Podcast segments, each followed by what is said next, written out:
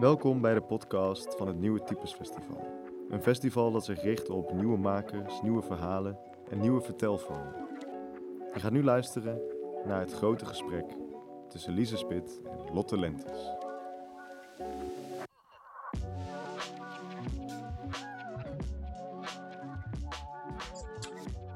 Goedenavond, uh, welkom dames en heren, kijkers thuis. Welkom bij uh, Het Grote Gesprek, een programma in het kader van het Nieuwe Types Festival. mijn naam is Lotte Lentes, ik mag uw gastvrouw zijn voor vanavond. En ik ga in gesprek met, u ziet er al live vanuit Brussel, Lise Spit. Hoi Lise. Hey, dag Lotte, hallo. Ja, ik kan toch niet laten om even te zeggen hoe fijn het was geweest dat we elkaar in het echt hadden kunnen zien. Maar gelukkig is de technologie inmiddels zo gevorderd dat, uh, dat dit ook prima gaat. ja. Ben je het inmiddels gewend? Ja, zeker wel. Ik vind eigenlijk zo, als je, een, als je een online lezing geeft, mis ik vooral ook de gezichten van de mensen die volgen. Uh, dus ik ben wel al gewend om, om zo op afstand en zo, maar het blijft toch niet, het, allee, niet dezelfde ervaring, vind ik, als een echte lezing. Maar het is wel fijn dat het bestaat, hè? want anders dan zit je daar ook maar thuis met, een, met een nieuw boek uit en zo. Dus, ja. Ja. ja, we gaan, het, uh, we gaan vanavond een groot gesprek voeren, althans dat wordt van ons verwacht, dus we gaan ons best doen. Uh, ja. En het zal grotendeels gaan over uh, dit boek, voor hem nog niet thuis heeft liggen. Ik ben er niet. Um, uitgekomen in december, denk ik. Jij? Ja, klopt. Vier jaar aan gewerkt. Ja, klopt ook. En dan uitgekomen, ja, midden in een soort uh, kale woestijnvlakte. Hoe is dat? Om een, om een boek te publiceren terwijl je ja, niet zoals normaal die boektournee kan doen, de lezers kan ontmoeten. Hoe, hoe heb je dat ervaren? Mm, goh, het boek was eigenlijk maar heel kort van op voorhand aangekondigd, omdat we dachten als het terug uh, lockdown wordt, kunnen we het alsnog intrekken. Dan is, niet, um, is het kwaad nog niet geschied, om het zo maar te zeggen. En een weekje voor we de aankondiging zouden doen, kwam er terug een lockdown in België. En ja, ik zat dan meteen op de WhatsApp op zondagavond of op vrijdagavond bij de uitgeverij van shit. Um, het gaat weer dichtgaan, wat moeten we nu doen? En toen zeiden ze bij de uitgeverij van laten we eventjes wachten tot de persconferentie uh, geweest is en eventjes kijken wat ze gaan zeggen. En um, uiteindelijk bleek dat de boekhandels open mochten blijven omdat ze essentieel, um, werden, als essentieel werden gezien. En toen hebben we besloten om toch gewoon door te gaan met de publicatie. En ik dacht van ja, dit is eigenlijk ideaal. Dan heeft iedereen tijd om te lezen en de boekhandels zijn open, dus mensen gaan wel zin hebben om een boek te kopen. Dus voor mij was dat toen, en ja, in het, in het idee dat in Nederland de boekhandels ook gewoon open waren en daar alles nog zo gewoon zijn gangetje ging, zoals de maanden daarvoor. Want wij keken allemaal wel een beetje op naar Nederland, uh, hoe jullie dat daar aanpakten. Veel minder straffe maatregelen dan bij ons. En ja, een paar dagen nadat mijn boek in de winkel lag, sloot gewoon. Uh, ik kreeg de foto's door van de mooie stapels en de mooie etalages. En twee dagen later ging in Nederland alles dicht. Dus dat was wel een beetje een opdoffer. Maar ja, mijn lezerspubliek zit voornamelijk in Vlaanderen, iets minder in Nederland. Dus in die zin is het ook geen ramp. Maar ik, had wel, ik voel het wel, denk ik, in de uitgeverij ook. Ja. Um, dat er gewoon veel minder te doen is. Mensen een beetje verdwalen in het online aanbod ook. Ehm, en ik mis ook echt het signeren en het boek. Allee, ja, een publiek dat dan af en toe een keer lacht of een keer in, in gesprek gaat of zo. Dus het, het, oh ja, ik ben eigenlijk heel blij dat het alsnog is uitgekomen. Want als ik dan zou nadenken van, zou ik hebben moeten wachten tot, tot volgend jaar, hè, dus 2021, dit jaar, dan kwamen er ook zoveel boeken uit dat ik ook dacht van ja, dan, dan gaat het ook niet... Ehm, misschien de aandacht krijgen of zo. Of, of, gaan, of gaat er echt gedrongen worden om, om de aandacht. Dus ik, ik denk dat ik het ook niet anders zou gedaan hebben dan uitgeven in het midden van uh, de lockdown eigenlijk. Ja, ja. ja. Ja, boekhandels als essentiële winkel, daar kunnen wij in Nederland natuurlijk gewoon een puntje aan zuigen. Daar hebben die toch een streepje op ons voor.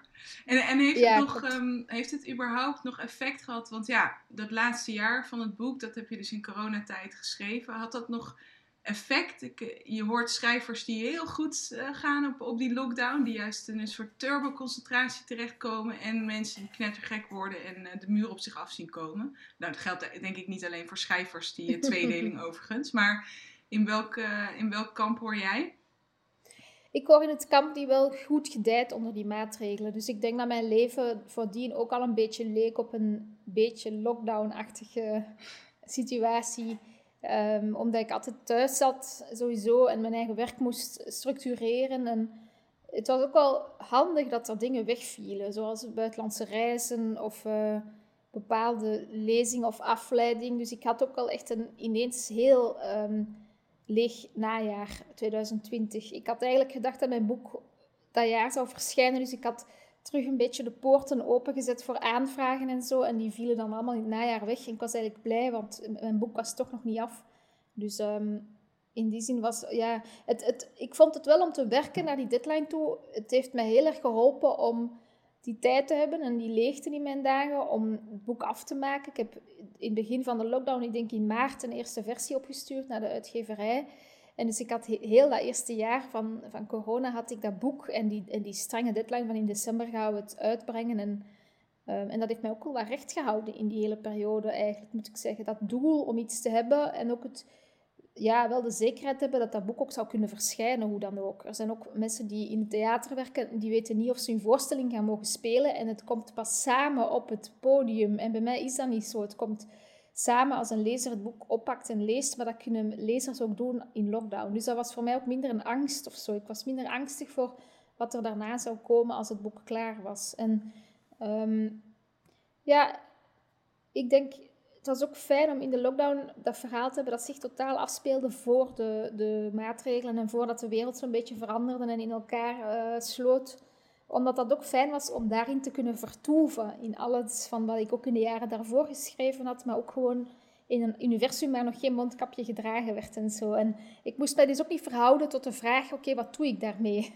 Ga ik een roman schrijven? Als een roman zich in 2020 afspeelt, kun je je echt niet afvragen, oh ja, dan moet je je echt afvragen, ga ik dit nu met of zonder corona doen? En, en die vraag moest ik mezelf gewoon niet stellen, want mijn boek speelde zich af in een iets, allez, een iets meer verleden dan... Heerlijk. Dan dat. Nou. Um, laten we even teruggaan in de tijd. Um, Naar het smelt waarmee je bent gedebuteerd. In 2016, even ja, in mijn hoofd. Ja, in januari 2016. Ja. ja. Uh, nou, dat was echt een mega succes. Uh, ik denk dat iedereen die kijkt het zich nog wel kan herinneren. De kanonskogel die ze spits deed daar intreden in de, in de Nederlandstalige letteren. Uh, eh, 200.000 exemplaren verkocht, aan 12 landen verkocht, de vertaalrechten, uh, filmrechten verkocht. Ja, een, een, gigantisch succes dat ook nog echt best wel lang doorliep voor mijn gevoel. Als in ja. heel veel boeken hebben een wat kortere looptijd, maar jij zat volgens mij twee jaar na dato nog steeds interviews te geven. Um, ik kan me voorstellen. Nou ja, ik denk dat het, gevreesde tweede boek, dat is zo'n uh, zo'n motief waar heel veel schrijvers het altijd over hebben. Maar ik kan me voorstellen als je zo debuteert op die manier en ineens zo in de aandacht staat, dat het dat best wel pittig, nog pittiger is om aan die tweede te beginnen. Hoe ging jij naar al dat succes weer achter die schrijftafel zitten? Ja, wel met een gevoel ehm, ik werd op een bepaald moment echt een fenomeen genoemd. En ik had echt zo'n gevoel van iedereen overschat me nu enorm. Ik ga het niet kunnen waarmaken, want wat er nu van mij verwacht wordt, is eigenlijk ook niet doenbaar in feite. Ik kan dat succes sowieso niet overtreffen, want dat ligt niet in mijn handen. Maar zelfs al schrijf ik nu een boek dat beter is of anders is, het gaat altijd op een bepaalde manier tegenvallen. En ik voelde toen zelf ook wel dat, ik zo, dat, dat het hele gegeven rondom mij zo opgeblazen was en zo bejubeld was geweest, dat er ook iets had aan te komen van een tegenreactie. Ik, bereidde me, ik, wist dat in het schrijven van het boek al dat dat ging gebeuren. Ik was me daar heel de tijd bewust van. van ik moet zorgen dat ze mij nergens op kunnen pakken. Ik moet, ik moet iets goed doen. Ik was heel erg bezig met, met wat de lezer en de recensent zou vinden. En echt vaak te weinig bezig met hoe ik het wou. En, en gewoon de conclusie, fuck it. Ik ga hier gewoon voor mezelf uh, het boek maken dat ik wil schrijven, dat, dat, was soms wel heel lastig. Ik had echt iemand die voortdurend meekeek eigenlijk, of honderden mensen die elke dag meekeken. En die totale onzekerheid, echt, dat, mensen geloven dat amper, dat je na zo'n succes nog altijd niet bevestigd zijn, maar ik denk dat ik een, een, kasteel van goud mag krijgen ten blijke van mijn talent en ik ga nog altijd denken, kan ik het wel? Je kunt dat niet zomaar wegnemen door succes of zo. Zeker omdat ook er altijd negatieve reacties zijn en die blijven ook meer doorwegen dan positieve reacties. Dus het is niet dat ik na het smelten dacht, ah, ik kan dit wel. ik dacht, ik kan... Oei, sorry. Nee, zeg maar. ik dacht, ik, kan wel een, ik had dat thema gekozen en dat lag ook heel dicht bij, bij mijn eigen leven. En ik dacht, daar kan ik goed over schrijven. Ehm, en ik weet ook wel, ik kan een boek structureren, maar of het opnieuw echt zal werken en het opnieuw een meeslepend verhaal zal worden, dan moest ik natuurlijk nog zien te behalen met het schrijven zelf. En ehm, ja, je kent dat waarschijnlijk ook. Hè? Allee, ik, ken, ik ken je een beetje, Lotte. Jij zei die enige onzekerheid ook niet vreemd. En dat voelt dan echt elke dag als achter de schrijftafel zitten en je schrijft tegen een blokkade in, tegen een verlamming in. Alsof je voortdurend tegen water in moet bewegen, tegen de stroom in van jezelf. En die stroom is dan die voortdurende gedachte, ik kan het niet, het is niet goed genoeg, het, het moet beter. En dat is geen concreet iets of zo dat beter, dat, dat, dat sterker. Ik, ik kan dan soms een boek openslagen en dan lees ik gewoon tien zinnen en dan denk ik, ah ja, kijk, dat is ook maar gewoon taal en zo. Hè. Dat is zo een, meesterwerk of, of Philip Roth of zo. Dan denk ik, oké, die schrijft ook gewoon heel menselijke kleine dingen op. Die heeft geen...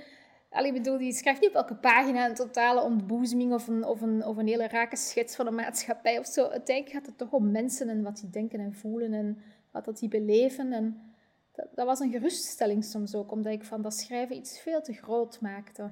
Ja, nou ja, beter is altijd ook ten opzichte van een buitenwereld. En het hele ding van schrijven, of althans uh, van, van schrijfdagen die echt goed werken, is juist dat buiten er uh, niet is en niet toe doet.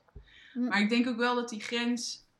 Ik kan me voorstellen dat bij het smelt had je dat gewoon nog niet. Omdat je dat volledig in de luwte kon maken. Nog, er waren geen verwachtingen. Want het fenomeen Lise Spit uh, bestond al wel, maar nog niet aan de hele buitenwereld getoond. Dus dat is ook, trekt zich misschien op. De mate van bevestiging die je nodig hebt om je bevestigd te voelen, is steeds buiten je bereik misschien.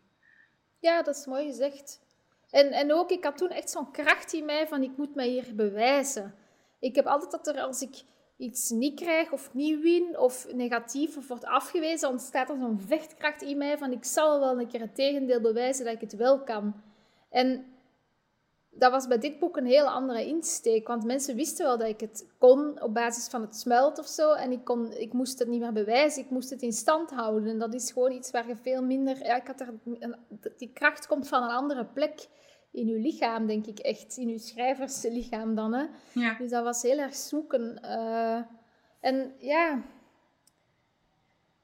ja, het is, het, is, het, is, geen, het, is ook een beetje hoe ik in het leven sta, denk ik. Um, dat, ik, heb, ik leef nu samen met Rob van die ook schrijver is. En die, die heeft toch een soort van ja, jarenlang echt moeten schrijven voor een iets kleiner publiek dan ik. Die is traag erin gegroeid, heeft nu met zijn twaalfde boek de Libris Literatuurprijs gewonnen. En die heeft ook echt moeten zoeken waarom schrijf ik. En die heeft dat voor zichzelf leren doen ook. Ehm, zeker in de jaren dat er geen sociale media waren en zo, dan moest je het echt hebben van, van gerecenseerd worden. En als dat niet gebeurde, dan was je boek gewoon daarna weer gewoon... Ja, moest je gewoon aan het volgende boek beginnen eigenlijk. Je kreeg veel minder reacties. En ik merk wel dat als wij... We zijn nu gevraagd voor dezelfde opdracht dit jaar. Een grote schrijfopdracht. Ik denk dat we ongeveer 6000 woorden moeten inleveren tegen juni. En ehm, we kregen een lijstje doorgestuurd met mogelijke thema's waaruit we mochten kiezen. En ik heb dat thema anderhalve maand geleden al vastgelegd en ik heb mijn plan voor dat verhaal al gemaakt. En ik, ik, zit al, ik sta elke dag op met het idee, shit, ik ga dat moeten schrijven, dat verhaal, en ik ga het niet kunnen. En, en die bundel gaat dan in de krant besproken worden en ze gaan mij eruit pikken als de zwakste van de hoop. En Goh, en terwijl Rob heeft zelfs nog niet naar dat lijstje met thema's gekeken. Zie je? Die weet gewoon, ik kan dat. Ik kan dat leveren op een paar dagen. Hij heeft al zoveel kortverhalen geschreven. Hij is ook wel een van de betere kortverhalenschrijvers van ons taalgebied. En dat is echt het verschil, is dat ik elke keer opnieuw van nul moet beginnen voor mezelf. En soms echt van min 10 moet beginnen. En echt elke keer diep van binnen, ja, echt alleen maar denk, ik kan dit niet, ik kan dit niet. En heel langzaam zie ik ook al rondom mij dat ik anderen misschien ook heel vaak overschat. Dat ik altijd denk dat anderen daar ontzettend veel werk in steken en heel veel research doen. En dan, maar ik laat mij soms ook een beetje te veel um, angst aanjagen door fantasiebeelden van hoe anderen dan schrijven of zo. Van, Allee, misschien herkent je dat wel. Ja, zeker, zeker. En, uh, en, iedereen om je heen is altijd geniaal en jij loopt struikelt maar een beetje door het leven, toch? Ja, en als dat lukt, is het per toeval. Daar heb je dan zelf niet echt iets uh, aan, aan, in ingemengd. Maar dat is ook zo dat ik dan nu al een planning maak en ik, ik, ik, ik schrijf dan op al van die en dag moet ik eraan werken en die en dag. En ik maak dat zo groot. Ik heb in mijn agenda al twee weken vastgezet om een eerste versie te maken. En dus het feit dat ik er zoveel tijd mee doorbreng in mijn hoofd van te beslissen van dat thema ga ik doen en dan ga ik het uitwerken en dan, dan maakt het ook zo groot. Dan maakt het ook echt, dat, dan geef ik het ontzettend veel belang in mijn hoofd, in wie ik dan, hoe ik naar mezelf kijk. Ik ben daar, ehm, ja, voor mij is dat echt de grote opdracht van het voorjaar. En omdat ik dat daar zo van maak, wordt het ook een heel grote taak. En dat heb ik met mijn tweede boek ook gehad. Dat dat echt zo het tweede boek. En ik had het gevoel dat het niet alleen neerkwam op wat ik schreef, maar dat het ook bepaald werd door hoe ik schreef. Dus ik moest ook echt uh, lange dagen maken. En een scène mocht er niet in twee minuten uitkomen, want dan dacht ik, oei, maar ja, is het dan wel goed genoeg? Maar als ik er te lang aan werkte, dan dacht ik ook van, nee, dit gaat te moeizaam. Lezers gaan dat voelen, dat ik hier te hard op heb zitten werken. Dus ik was elke referentie kwijt aan wat is eigenlijk goed en hoe herken ik dat iets goed is. En dat is het eh, ook, toch? Dat, dat ehm, een, een, boek dat echt uit een. Ik denk wel dat, of althans, ik denk dat altijd te herkennen als lezer, dat je dat schrijfplezier, of, of teksten die uit plezier zijn ontstaan, dat je die toch op een andere manier leest dan dan teksten die echt alleen maar uit worsteling voortkomen. Dat is het ook. Dus tijdens het schrijven kun je dan ook nog een soort van angst hebben van...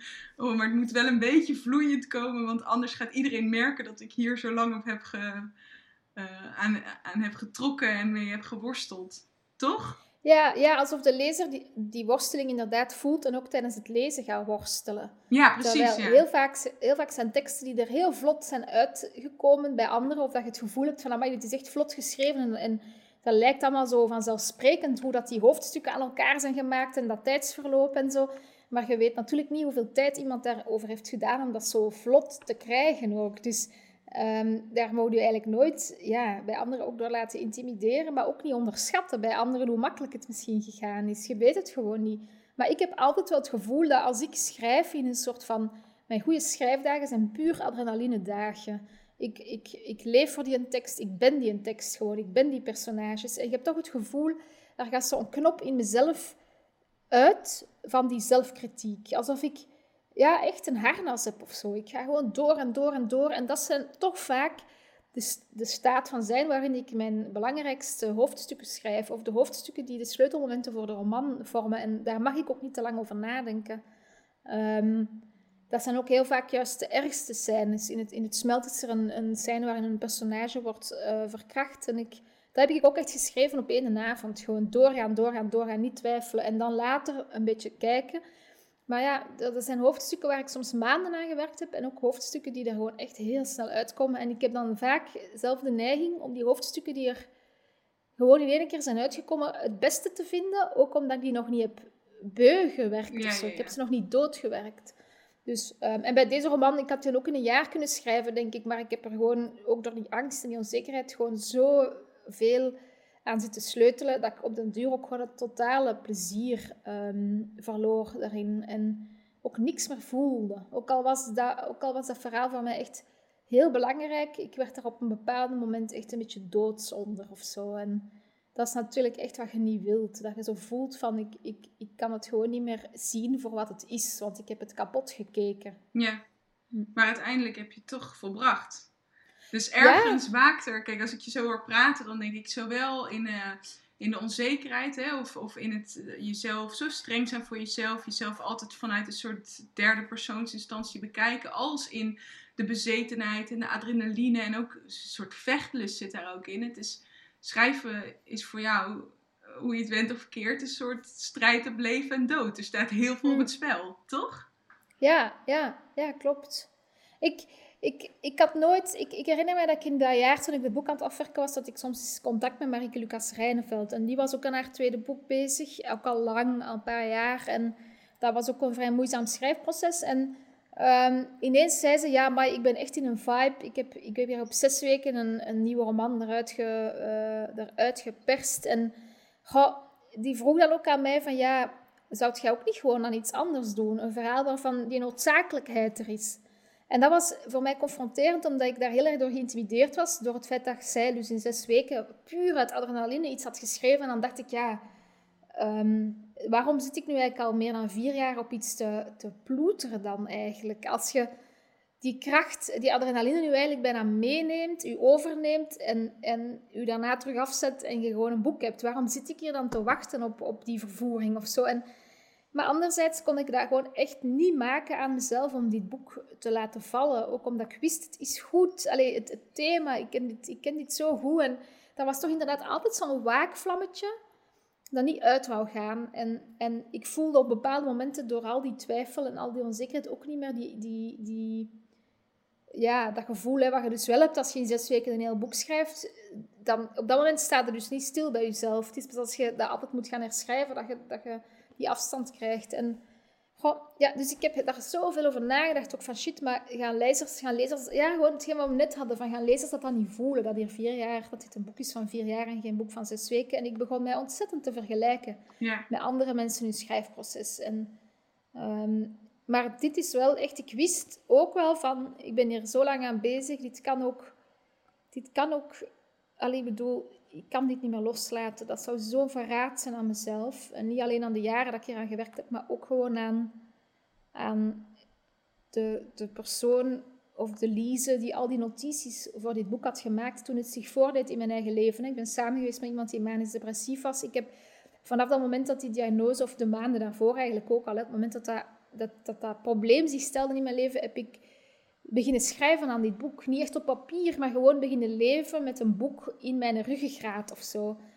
En dat zat daar al die jaren en ik, ik heb me zo recht gehouden en ik, ik kon niet, dat boek niet schrijven, want dan zou ik mezelf al die jaren iets hebben voorgelogen. Dus het was ook voor mij echt heel belangrijk dat ik daar iets mee zou doen, dat ik dat zou sublimeren eigenlijk, al dat verdriet en al die zorgen uit die periode. Dus ik was dat zo erg aan mezelf verschuldigd ook, dat dat voor mij geen optie was om het gewoon weg te gooien. Dat zou echt, nee, echt, dat zou, zelfs niet om het uit te stellen. Zelfs niet om eerst nog een ander boek te beginnen. Ik kon daar gewoon niet uh, onderuit, heb ik zo het gevoel. Nou, gelukkig, je, je hebt het volbracht. Het is uh, net als het smelt een behoorlijke baksteen geworden. Mm. Bijna 600 pagina's. Laten we naar het verhaal gaan. ja. Ehm, ja, er zijn eigenlijk meerdere manieren om het samen te vatten. Hè? Je kan het op een soort uh, spanningsniveau samenvatten of um, ja, meer ja, thematisch, zou ik bijna willen zeggen. Nou ja, um, voor de mensen die het nog niet hebben gelezen, uh, hoofdrol, speelster en vertelster van het verhaal is uh, Leo. Zij is een dertiger, woont samen met Simon. die twee die zijn al tien jaar samen en ze wonen samen in Brussel. zij deed een opleiding tot scenariste en werkt nu in een winkel voor zwangerschapskleding. Buik en Boek heet het, want er worden ook boeken verkocht. En uh, Simon die is vormgever bij een creatief bureau. Ehm, ze leven, nou, wat zullen we ervan maken? Een, een redelijk burgerlijk bestaan. En um, tot Simon op een dag thuiskomt en niet meer ineens een, of ineens een ander is. Leo herkent hem eigenlijk niet meer. Um, je vertelde net al, um, uh, en het is ook iets waar, uh, waar interviewers, dat was bij het smelt al zo, en het is bij Ik ben er niet, niet anders, uh, altijd graag induiken. Hè? wat is waarheid? Op de een of andere manier vinden mensen dat heel erg fascinerend. Wat is autobiografie? Maar je hebt persoonlijke ervaringen gehad met mensen die um, manisch depressief waren. maar dit is echt een werk van fictie. En je vertelde net al heel even hoe dat ontstond hè, bij jou, hoe, hoe die eerste krabbels op papier kwamen. Eh, maar hoe, hoe werkt zo'n proces? Uh, want manische depressiviteit van het zo dichtbij meemaken eh, lijkt mij heel erg heftig. En dan op een gegeven moment wordt het toch werkmateriaal. Als je zegt, ik ga er een roman van schrijven. Hoe gaat zo'n proces in zijn werk? Ja, ik heb wel, toen het heel moeilijk werd om te schrijven, heb ik soms wel gedacht, zou ik niet gewoon het opschrijven zoals het geweest is? Namelijk mijn verhaal vertellen. Gewoon één op één autobiografisch en het als een roman presenteren, want zo werken heel veel romanciers uiteindelijk toch. Maar ik kan dat eigenlijk echt niet, omdat ik ehm, die macht niet wil hebben over andere mensen ten eerste. Dus er is dat verhaal, wat ik nu net omschreef als mijn verhaal, de makkelijkste weg om het te vertellen. Gewoon een soort van fictieve verwerking maken van hetzelfde verloop of zo. Een, chronologie die er in werkelijkheid geweest is, omzetten naar, naar, een, naar een roman. Maar ik wou dit um, verder wegbrengen van mezelf, ook om, ook om mijn partner van toen te beschermen, maar ook om mezelf een beetje te beschermen. Dat het, geen, het mag geen therapeutisch werk zijn of zo, het moet echt een meerwaarde zijn. Ik denk altijd aan de lezer, van oké, maar wat heeft de lezer nodig? En dat is niet altijd wat ik als schrijver nodig heb. Ik kan wel twintig keer willen opschrijven hoe verdrietig iets bepaald is, maar de, de lezer weet het inmiddels wel. En voor mij kan dat heel deugdzaam zijn. Dus het, het was een beetje een, ja, eerst een zoektocht in, oké, wat is het verhaal dat ik zelf heb en wat is het verhaal dat ik wil vertellen in deze roman? En daar begint eigenlijk het, het wegbrengen van die roman van jezelf en die steeds kleine beetjes wegduwen door er onwaarheden aan toe te voegen in je eigen ogen. Hè. Die, ik heb in een zwangerschapswinkel gewerkt, maar ik heb dan um, die locatie in de stad genomen, op, op de kaart in mijn hoofd. En ik heb heel die binnenkant uitgegomd en daar een nieuwe winkel in mijn hersenen, in mijn gedachten, in mijn fantasie, een hele nieuwe winkel van gemaakt. Met andere collega's, met andere soort kledij en met boekjes in de etalage, wat dat wij dus nooit hadden bij ons in de, in de Plus One, zo noemde de winkel waar ik zelf gewerkt heb. En hetzelfde met die school, dat is een gegeven. Ik heb op een filmschool gestudeerd, maar ik heb dat gebouw zelfs niet gehandhaafd. Ik heb andere studierichtingen bekeken. Dus ik begin eigenlijk met een soort van, um, ja, een soort van weergave van hoe het geweest is. En dan begin ik alles uit te gommen en dat opnieuw in te kleuren. Als ook de personages, want Leo lijkt helemaal niet op mij. Niet in hoe ze omgaat, niet in haar burgerlijkheid. Er zijn een paar dingen die ik heb gehouden, die aansluiten bij, bij hoe ik dingen beleef. Namelijk het, het, het licht dwangmatische, het heel angstige, um, die verlatingsangst. Dat zijn dingen waarmee ik mezelf wel, um, die ik goed ken, omdat dat dingen zijn waar ik zelf wel eens last van heb. Maar ik heb ook aangevuld met heel veel karaktereigenschappen die mij totaal vreemd zijn. Ik heb bijvoorbeeld een hele brede vriendenkring. Ik kan altijd heel open praten over hoe ik mij voel.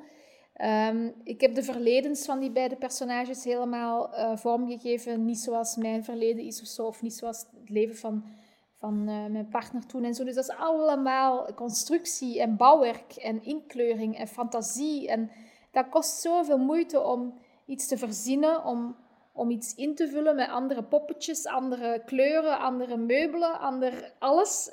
En om daar zelf in te blijven geloven, maar ook om dat hele plan in de lucht te houden. Want je bedenkt dat aan het begin van je roman en je moet dat heel de roman door voor je blijven zien. Dus je moet ook elke dag al die ruimtes, al die personages her, her um, in je hoofd opnieuw um, bestuderen eigenlijk. Zodat je blijft kennen um, wie ze zijn, blijft weten wat hun doelen zijn, blijft weten waar ze wonen. Dat moet voortdurend fris in je hoofd zitten. Je mocht dat niet vergeten. En dat is eigenlijk voor mij de immense taak van een roman schrijven, is dat universum al die jaren in je hoofd levendig houden, want het moet kloppen. En dat vind ik het vermoeiende daaraan ook, is dat je daarmee opstaat en je gaat daarmee slapen en je droomt er soms zelfs over, omdat, je, omdat, dat, omdat jij dat gebouwd hebt en je hebt dat nergens kunnen vastleggen, nog niet. Je kunt dat moeilijk ook helemaal uitwerken met een maquette en alles opschrijven. Je kunt dat niet, dat valt niet te bevatten.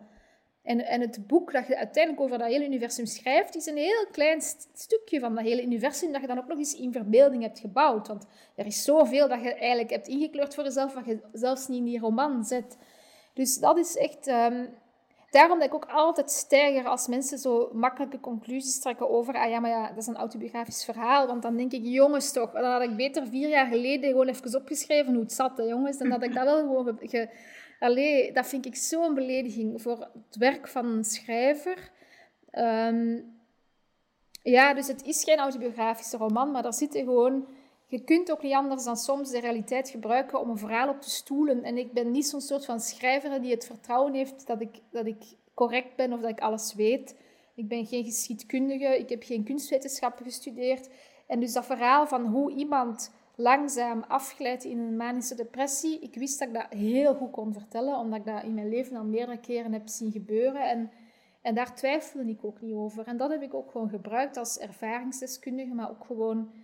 Eh, ik heb research nog gedaan en zo. En ja, dat is natuurlijk iets wat, wat dicht bij mij zit en wat heel, een heel persoonlijk verslag is of zo, van iets waar ik zelf ook... Ehm, maar dan nog is dat voor de helft ingevuld met, met fictieve uitwerkingen. De, de kern zit daarin, in hoe iemand paranoia wordt en zo. Ik heb van heel dichtbij gemaakt hoe mijn partner um, heel ver afgleed in wantrouwen en paranoia en samenzweringscomplotten. Um, maar ik heb die allemaal niet gebruikt in de roman. Ik heb dat allemaal ingevuld met andere soorten details en verhalen. En, um, Dus ja, dat is een gigantisch werk. Ik, ik weet niet of je kunt daar bijna geen inzicht in geven in hoe het schrijven werkelijk gaat. En dan is er behalve dat universum, is voor mij de tweede vraag, want meestal moet je de me het merendeel van dat universum moet je kennen voor je begint te schrijven. En er komen ook nog dingen in het verhaal die, dan, die je dan verzint tijdens het schrijven. En die, dat, dat universum groeit alleen maar, wordt alleen maar gedetailleerder. Maar wat daarnaast ook uh, nodig is, is dat je weet um, hoe je het verhaal gaat vertellen. Voor mij begint altijd een... Nu ben ik wel heel lang aan het praten, hè, waarvoor, sorry. Ik kan het allemaal nog volgen. Ik denk de kijkers ben, thuis ook, hoor. Ik ben bijna klaar, zo, met mijn uiteenzetting. Um, ik heb altijd eerst een idee, dus van dit is het verhaal dat ik wil vertellen. En dan komt altijd de vraag, hoe ga ik dit vertellen? Met welke, uh, op, met welke structuur? En um, wat is het moment van waaruit wij als lezer samen met het personage het verhaal induiken? Vanuit welk punt zit, allee, waar zit eigenlijk de focalisatie?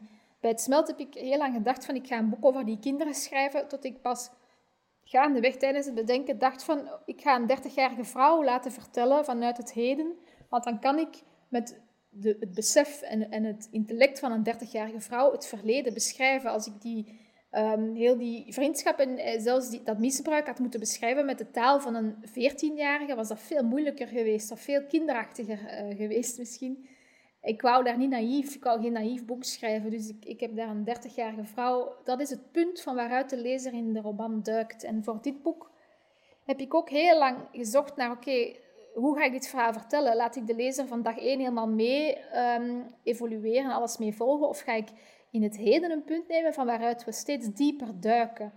En dat is voor mij toch...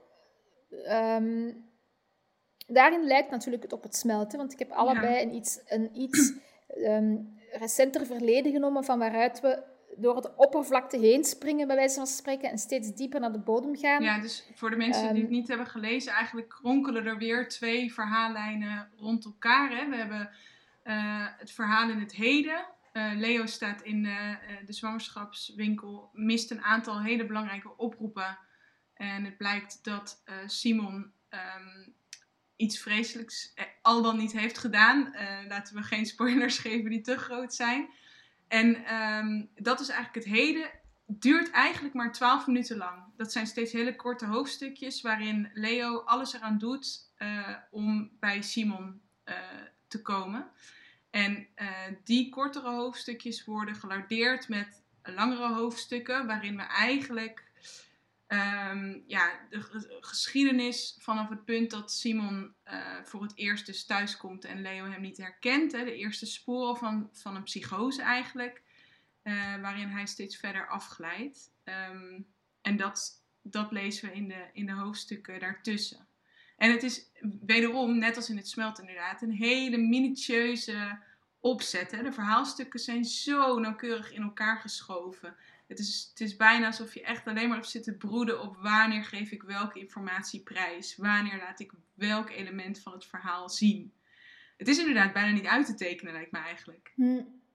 Nee, want ik heb zoveel plannen gemaakt om, om, om het overzicht te kunnen houden. Om, om, uh, en ik, ik maakte die plannen ook heel de tijd opnieuw, om het opnieuw fris in mijn geest te hebben. Van oké, wanneer gebeurt er wat en wat weet wat weet de lezer op dit moment? Dan moet je echt als schrijver, als je zo'n boek schrijft die op spanning gedreven zijn, moet je heel erg onthouden wat de lezer weet en wat nog niet.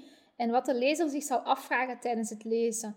Dat hoeft ook niet altijd iets mega groot te zijn. Het moet niet te zijn van, is er iemand dood of niet? Ja, die vraag is niet in elk hoofdstuk nodig. Maar elk hoofdstuk heeft wel één kleine trigger nodig.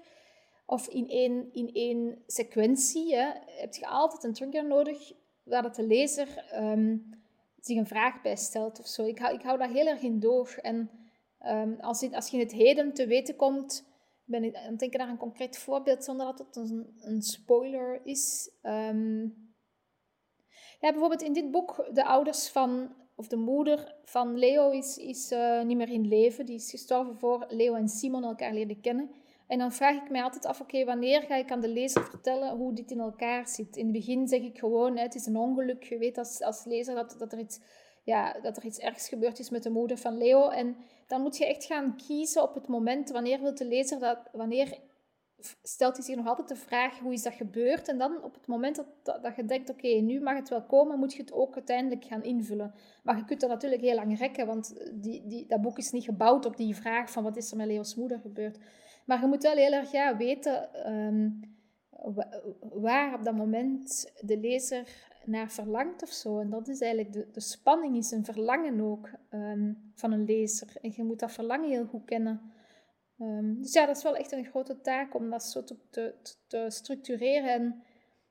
En, um, ja. en de lezer is dus omnipresent. Die is er altijd. Bij mij wel, ja. En ik denk dat dat ook komt. Ik was daar laatst over bezig met Rob hier thuis. Ik, ik, ik geef binnenkort een lezing eh, online voor de Universiteit in Zurich. En daar vragen ze naar mijn literatuuropvatting. En dat is een, een, een Germaanse opleiding, ook voor vertalers en zo. Alleen taal, een taalopleiding. en ik heb dat totaal niet, een literatuuropvatting. En ik denk dat dat ook iets is wat je hebt als je gestudeerd hebt. Als voor, voor ja, een klassieke studie doe, dat je de tijd hebt om dat uit te zoeken. En in die jaren dat de meeste schrijvers of, of mensen die met taal bezig zijn, zichzelf een literatuuropvatting eh, toe-eigenen, zat ik gewoon op een filmschool te leren hoe een camera werkte en hoe elk montageprogramma werkte. En moest ik eigen geluid kunnen opnemen en, en een set kunnen uitlichten en zo.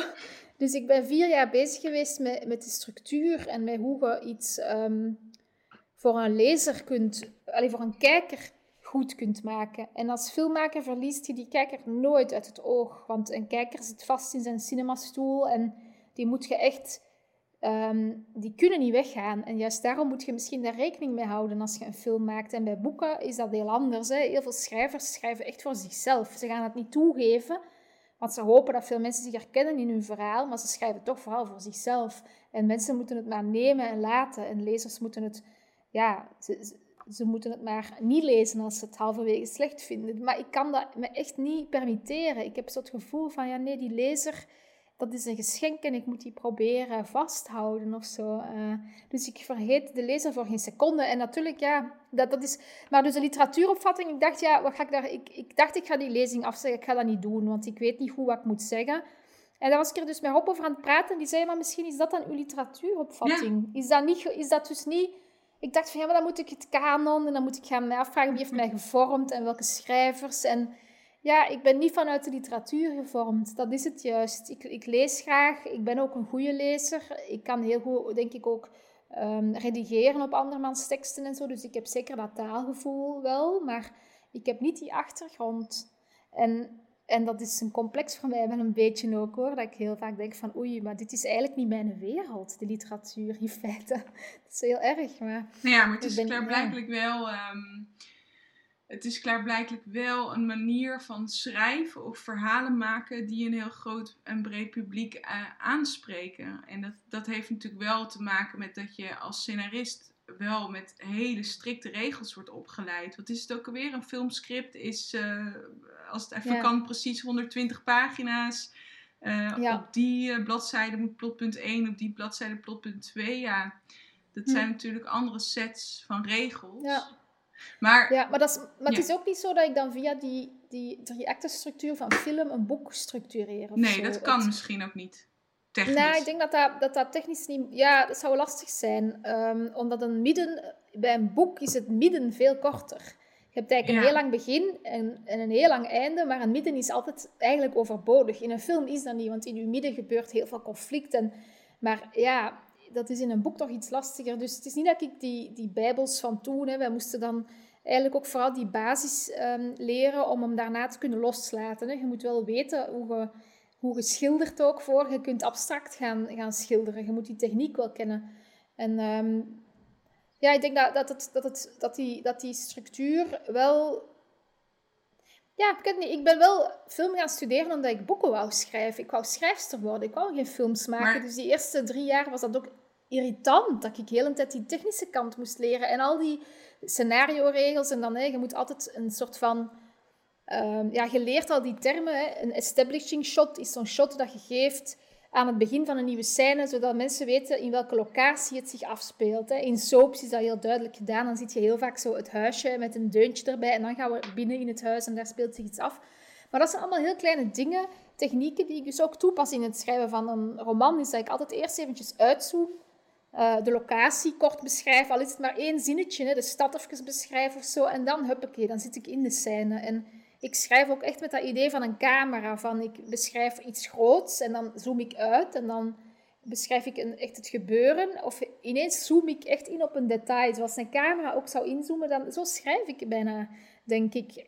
Ja, echt zo met een lens die in en uitzoomt en alles vastlegt. En ehm, ja, wie weet kom ik daar ook wel nog vanaf hoor. Ik ben eigenlijk nog maar juist schrijver, dus misschien dat ik dat ook openbreek. Ik, ik heb wel zo gedacht bij sommige boeken van, oh, dat moet zalig zijn om gewoon een verhaal te hebben en gewoon te kunnen doorschrijven. Gewoon, je begint met hoofdstuk 1, je gaat naar hoofdstuk 10, daar rond je verhaal af. Het is gewoon een lineair verhaal. Uh, ja, prima. Dat is eigenlijk makkelijker in feite. Allee, om het maar te zeggen, dat dat, is, dat is gewoon minder gepuzzel. Dus ik kijk daar ook wel naar uit om daarin ook eens een keer andere dingen te gaan doen. Ja. Eigenlijk. Hm. Maar ja, ik vind toch dat er wel een zekere literatuuropvatting uitspreekt. Ik ben het met Rob eens. Ik zit in team Rob. Nou ja, het klinkt alsof, dat, en dat is wat je maakt, maar ik neem dan aan ook wat je graag leest. Uh, teksten zijn waarin de schrijver zich over de lezer heeft ontfermd. Niet expliciet, maar in, in de intentie die achter een tekst schuilt, zich duidelijk heeft bedacht over diegene die die tekst uh, onder ogen krijgt. Ja. ja, en denk ook dat dat deels ehm, in de, in de ontvangst van dit boek werd er heel erg gekeken naar hè, die, die, die filmcontext. En ook dat ik misschien niet, niet genoeg vraag van de lezer. Wat ik zelf een beetje onjuist vind. Want yeah. het boek is natuurlijk, vraagt ontzettend veel. Het is heel diepgaand en, en ook wel hard op sommige momenten. Dus, um, en Wacht, nu ben ik even met een draad kwijt wat ik, wat ik ging zeggen. Ik heb dat dus vaak als ik zo'n online gesprek doe, dat ik ineens vergeet waar ik zit. Ja, zien, omdat ik zo, uh, misschien wil je iets zeggen over, maar dat vul ik even in, over uh, dat het heel veel met Netflix-series werd vergeleken. Dus dat het in de recensies heel hard gaat over um, ja, ja ik, denk, ik weet, ik heb de draad weer ja, uh, pak je draad. Ja. dat, dat dat alleen maar werd beschreven vanuit mijn métier als scenarist. En dan eh, haalden ze altijd het begin van het boek aan, heel makkelijk, waarin ik zelf ook verwijs naar een scenario-techniek. Um, die trouwens niet overeenkomt met hoe het boek, boek is opge, opgesteld. juist. Het is juist anders in het boek, maar dat heeft dat... dat de, Um, en ik denk dat, dat, voor mij, hoe ik gewoon als mens ben, is de manier hoe ik mijn boeken schrijf. Dat gaat veel dieper dan enkel mijn opleiding of, of een trucje, een scenario-trucje. Ik ben gewoon iemand die opstaat en een planning maakt voor de dag. Ik ga echt in mijn bed al in mijn hoofd, ik ga om tien uur dit doen en dan om twaalf uur dat. En in dat lijstje in mijn hoofd schrijf ik zelfs op dat ik om dat uur de wasmachine ga uitladen. En soms zit ik zelfs te, dat, te, te, te verkniepen tot en dan ga ik dat dopje waspoeder daarin doen. En ik bereid heel een tijd mijn leven voor vanuit een soort van houvast en structuur en ook een heel erg um, groot aanwezig tijdsmotief of zo. Tijd is altijd in mijn zijn aanwezig. Ik kan daarom ook geen boeken schrijven waar tijd niet de structuur draagt, want ik leef gewoon zo. En dus... Um, ik, ik, ik ben altijd bezig met details, ook in het dagelijks leven. Dat komt ook in mijn boeken heel erg naar voren. Dus het, dat boek is ook gewoon wie ik ben. Ja. Dat gaat veel dieper dan een trucje of dan een manier van schrijven. Ik denk dat het, het meest persoonlijke aan mijn boeken is misschien juist wel de manier waarop ze geschreven zijn. En ook juist die vorm, dat hoort daarbij. Um, dat planmatige en dat dwangmatige ook een beetje. En, en... en die tikkende tijdbom. Ja. En ook, hè, ja, je hebt wel een hele... Mm, markante stijl, hè, in, in, in metaforen, in ehm, objecten die ineens iets anders voorstellen in een ruimte of zo. Dat zit ook heel erg in het smelten en het zit in Ik ben er niet uh, nu ook weer heel erg.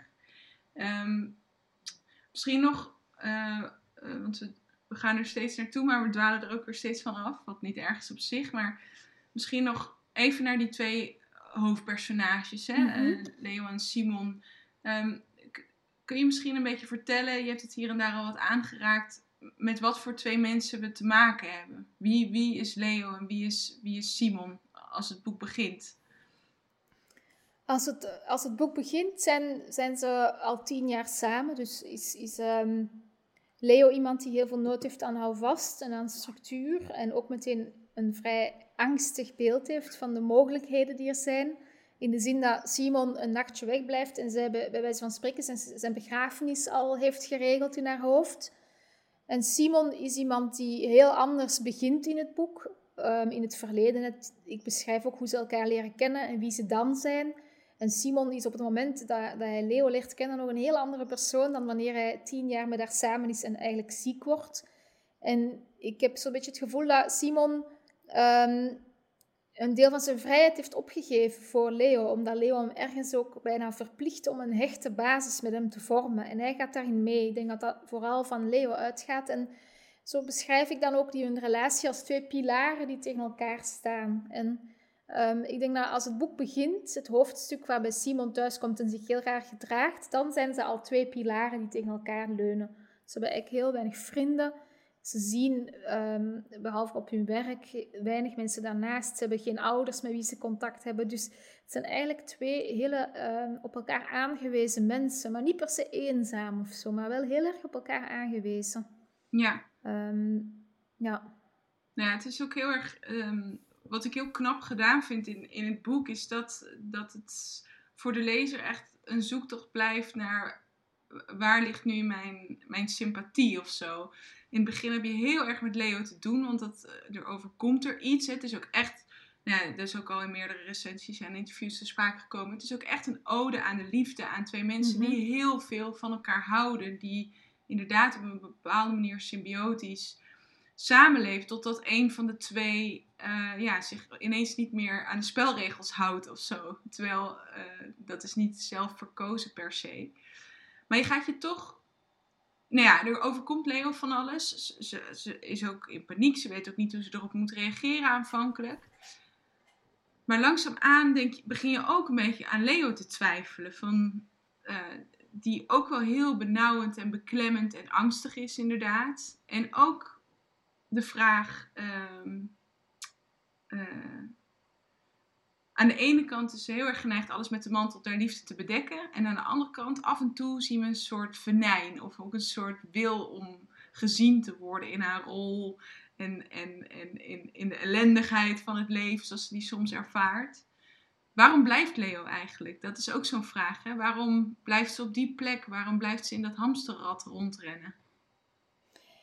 Ja, mooi beeld van de hamsterrad. Um, omdat ik denk dat, dat als buitenstaander, die je als lezer toch ook altijd zei, is het moeilijk in te schatten waarom mensen hun geduld blijven behouden. En ik denk dat het antwoord daar altijd liefde is. En het is bijna in die relatie zoals zij gegroeid zijn, die, die, die symbiose, is bijna zoals de liefde van een moeder voor een kind of zo. Die koestert Leo ook echt ten opzichte van Simon. Ze heeft een soort van ja, redderscomplex of zo. Ze wil hem echt... Ehm, in alles, voor alles beschermen. En um, ja, ik denk dat, dat, dat, dat het.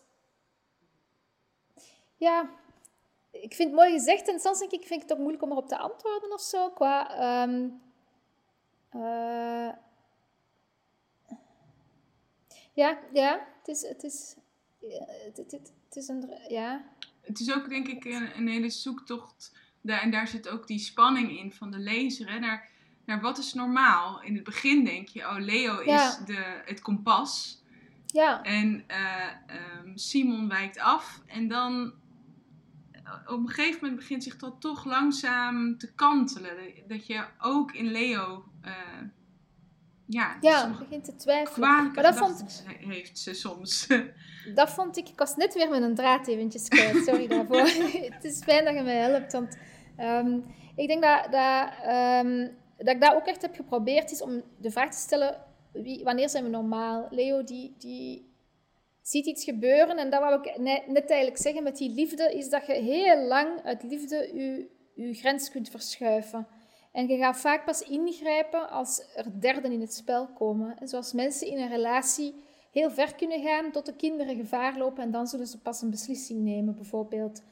Um, ook in de maatschappij is dat ook zo, hè, dat iemand in een gezinssfeer heel erg zijn gang mag gaan qua geweld en zo. Maar vanaf dat er buitenstaanders misschien gevaar lopen, is het echt, uh, dan wordt het een, een, zaak van algemeen belang of zo. En in het boek zitten we zo in die kokon dan die twee mensen met zo weinig buitenstaanders die kunnen ingrijpen, omdat Leo ook geen hulp wil zoeken.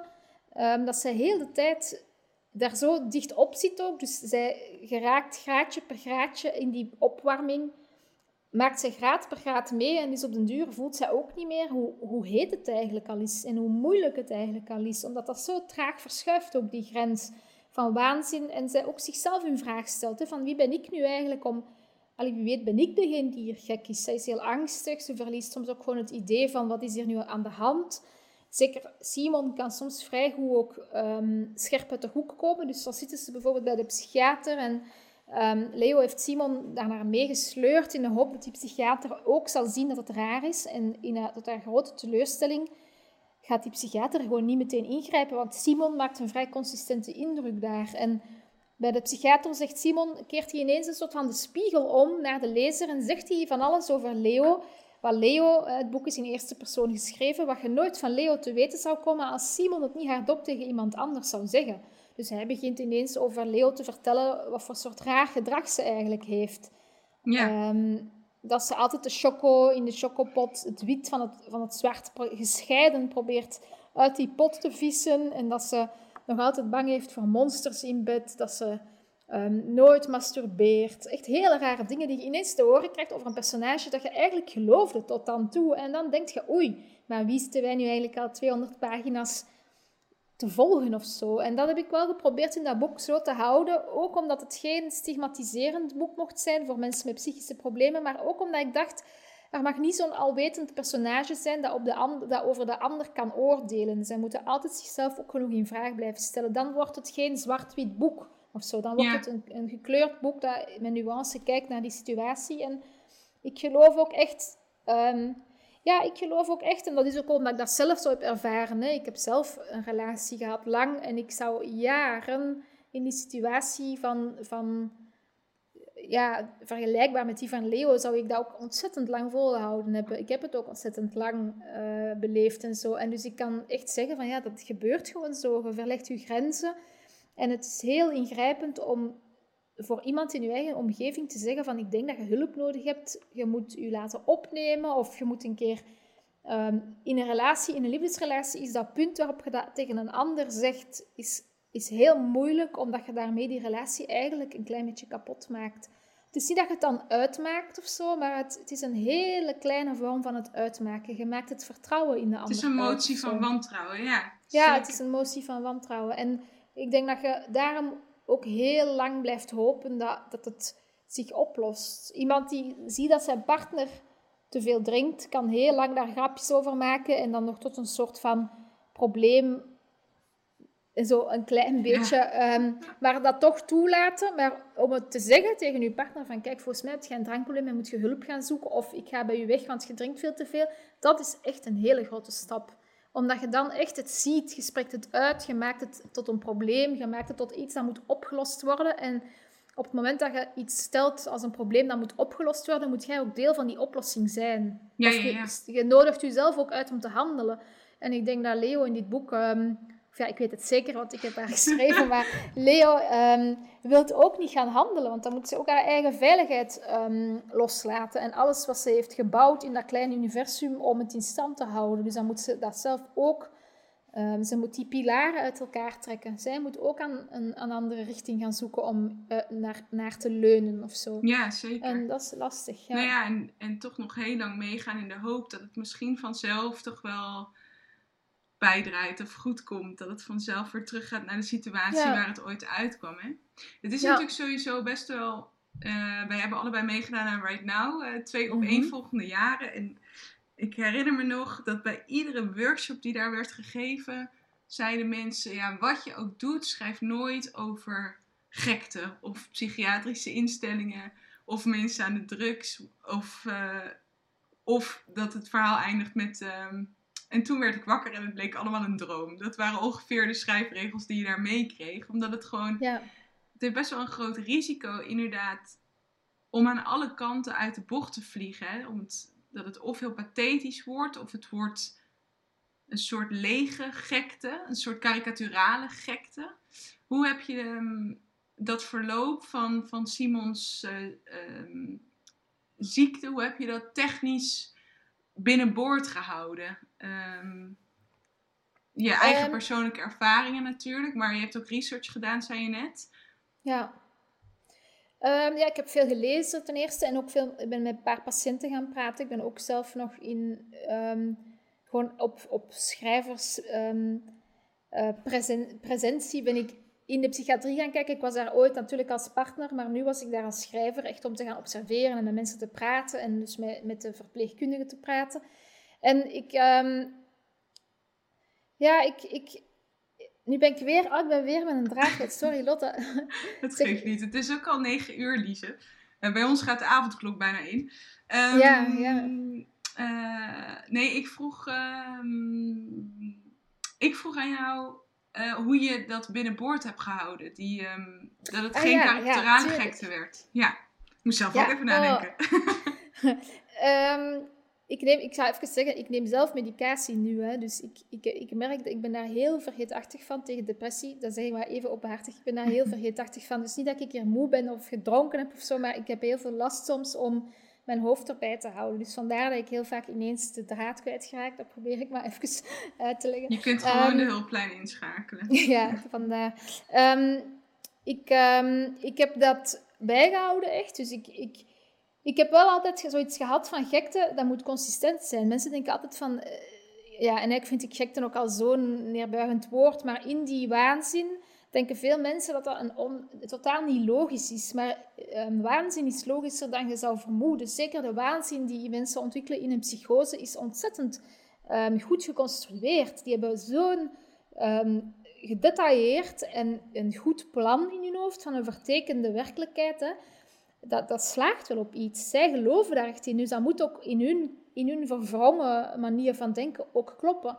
Dus ik heb wel die, die, het hele ding waar Simon in gelooft, namelijk hij wordt achtervolgd en, en hij wordt afgeluisterd door collega's, want mensen zijn erop uit om zijn nieuwe idee, zijn nieuwe bedrijfsidee te, te, te stelen. En later zijn ze er zelfs op uit om hem te klonen en zo. Dat is wel een dat is ten eerste iets dat heel vaak terugkomt bij patiënten. Ik, als ik dan in het ziekenhuis ging vragen aan, aan dokters, maar ook online ben gaan lezen, is er echt een lijstje van de dingen die mensen in psychoses zichzelf voornemen. En heel vaak heb je het, is er bijvoorbeeld dat mensen die een psychose hebben denken dat ze een eerste lijn hebben met God.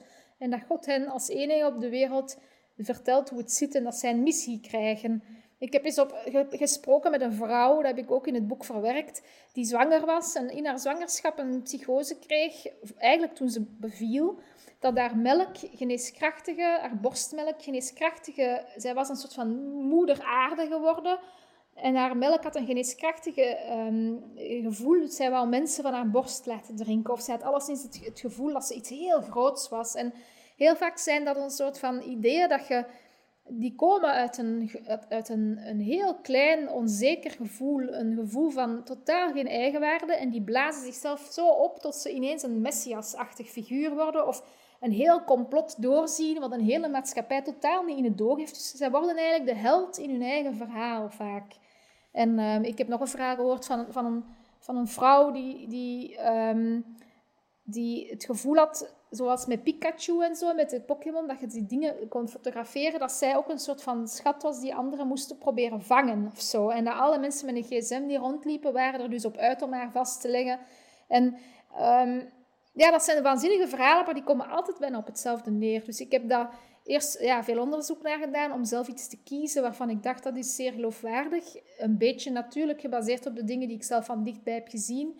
En om het in het boek geloofwaardig te maken, heb ik eerst een beetje uitgeschreven, natuurlijk in de hoofdstukken waar die, waar die um, waanzin aan bod komt, heb ik eigenlijk beginnen arceren, zodat ik doorheen de roman altijd kon, kon blijven volgen hoe die waanzin zich ontwikkelde en ook waaruit die waanzin bestond.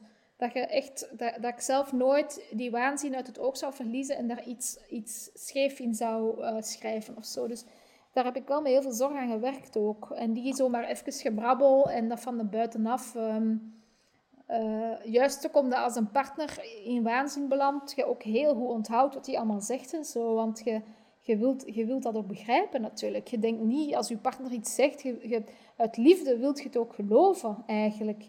Je wilt dat hij gelijk heeft, maar je weet ook dat dat niet zo is, want je zegt zelf niet...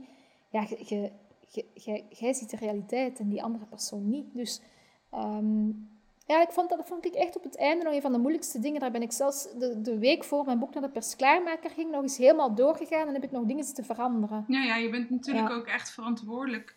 Je bent verantwoordelijk voor de onderwerpen en de mensen waar je over schrijft, ook al zijn het fictieve mensen, maar zeker natuurlijk bij, bij kwetsbare mensen. Uh, En dat zijn mensen natuurlijk wel die, uh, die bijvoorbeeld op een psychiatrische afdeling belanden.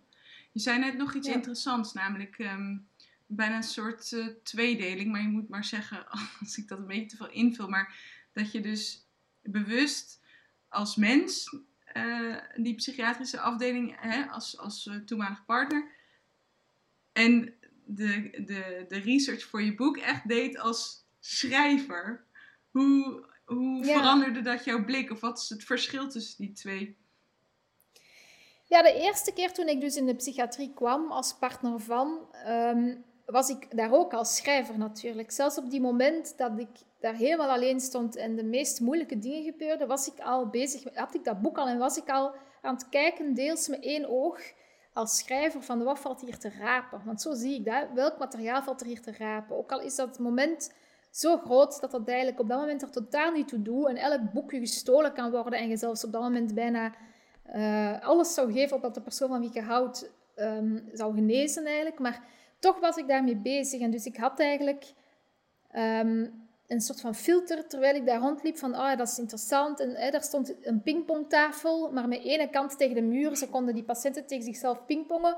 Dat zijn zo dingen dat ik denk, ah, dat moet ik onthouden. Of gewoon de, de, de moeilijkheid om, dan geven ze daar mensen superveel... Um, kalmerende, spierverslappende medicamenten. En dan geven ze vorkjes voor erten te eten. Dus dan zitten al die mensen met hun slappe, gedrogeerde handen daar erwtjes te eten. Ja, dat gaat natuurlijk niet. Zo, dat soort van details heb ik wel echt onthouden. En ehm, ik, ik, um, ik ben daar natuurlijk heel vaak... Um, heel lang ook geweest. Dat is niet dat je daar maar een weekje komt. In mijn geval was dat ook echt een groot aantal weken. Dus ik had ook tijd om op vele allee, als de paniek en, en de overdondering een beetje is gaan liggen, zie je ook weer andere dingen. Dus op zich was dat een goede studieperiode ook wel. En dan later, denk ik, dat, toen ik aan het schrijven was, denk dat dat 2018 is, ben ik dus teruggegaan, omdat ik dacht van ja, maar ik was daar toen zo persoonlijk betrokken in heel die omgeving, dat ik misschien dingen over het hoofd heb gezien. Mm. En dan ben ik echt nog eens teruggegaan, zoals het hoort, met een potlood en een boekje, om alles direct te noteren. En, ehm, en eigenlijk viel dat toen heel erg op dat de meeste wat ik kon gebruiken, had ik al opgeschreven in mijn gedachten gewoon. Dat zat er al. Dus ik heb niet meer tijdens dat bezoek heel veel kunnen, kunnen rapen of zo. Dat was een klein beetje een ontgoocheling. Maar wat er toen wel gebeurde, is dat ik met een, met een zorgverlener... Um, ik was daar niet meer als patiënt, of als, alleen niet meer als naaste van een patiënt. Dus die dokter was ook daar niet meer als de, de geneeskundige van. Dat was eigenlijk iemand die mij graag te woord um, stond. En die vertelde toen ook heel persoonlijk over het feit dat hij was daar psychiater, maar hij had een vader die ook psychotisch was en die dus um, uh, ook geloofde dat hij werd afgeluisterd en die, die zijn ramen afplakte met aluminiumfolie en zo en altijd geloofde dat als ze in de straat kwamen werken, dat ze zijn uh, lijnen kwamen uh, aftappen en zo. En dat zijn wel dingen die ik dan heb verwerkt in het boek. Gewoon de verhalen die hij dan vertelde en zo. Dus ik, ik, um, ik, heb, ik heb dat is vaak eigenlijk dat ik ergens kom als... Ehm, als ik daar al geweest ben, dan heb ik het eigenlijk al wel gehad of zo. Dan heb ik alles al wel genomen wat ik, er, wat ik ervan kan gebruiken, denk ik. Het is toch een soort reflex. Ja, reflex ja, van een soort scannend oog. Ja, maar ik denk dat, dat het soort stijl, het soort schrijver dat je zei, want je zei um, iets eerder over die metaforen. Ik zie ook die metaforen. Ja. Ik, ga, ik, moet daar niet te lang over nadenken. Als ik, moet, als ik schrijf, is dat, ah ja, ik er zit echt een bakje vol en ik, pluk, ik kan die daar gewoon uitplukken. Ik werk daar niet lang op of zo. Ik ga niet denken, ah, nu moet ik eens een, een metafoor verzinnen, want het is tijd dat ik er nog eens eentje gebruik. Die komen gewoon mee in die tekst, omdat ik heel vaak in metaforen ook juist dingen verwerk voor mezelf. Hè? Om die dan te kunnen opstaan in mijn hoofd, dat, dat, zit daar ergens al. En dat is ook een, um, een manier van humor. Om het leven draaglijk te maken, zijn ook juist de manier van observeren helpt daar heel erg bij. Hè? Als je in twee kale bomen die, die met hun takken tegen elkaar staan, ik zeg nu maar iets heel uh, clichématig, twee handen zien die elkaar schudden, dan is dat ook een heel leuk en warm beeld, ook al is die een boom helemaal kaal en verdord. En zo kan, kun je de wereld dus heel draaglijk maken door in metaforen naar de wereld te kijken bijna. Of alleszins overal beelden in te zien. Maar, maar dat vind ik ook heel grappig. Hè? Als het dan altijd gaat, want het is echt, ik vind het echt opvallend. Er is geen recensie of geen interview waarin mensen toch gelijk, uh, en dat is denk ik ook wel heel erg iets van de literatuur van nu, uh, willen weten wat is er echt gebeurd. Even heel de plat, platgeslagen en dit autobiografische element. Terwijl, um, nou ja, wij kennen elkaar dus een beetje. Als er iets is wat,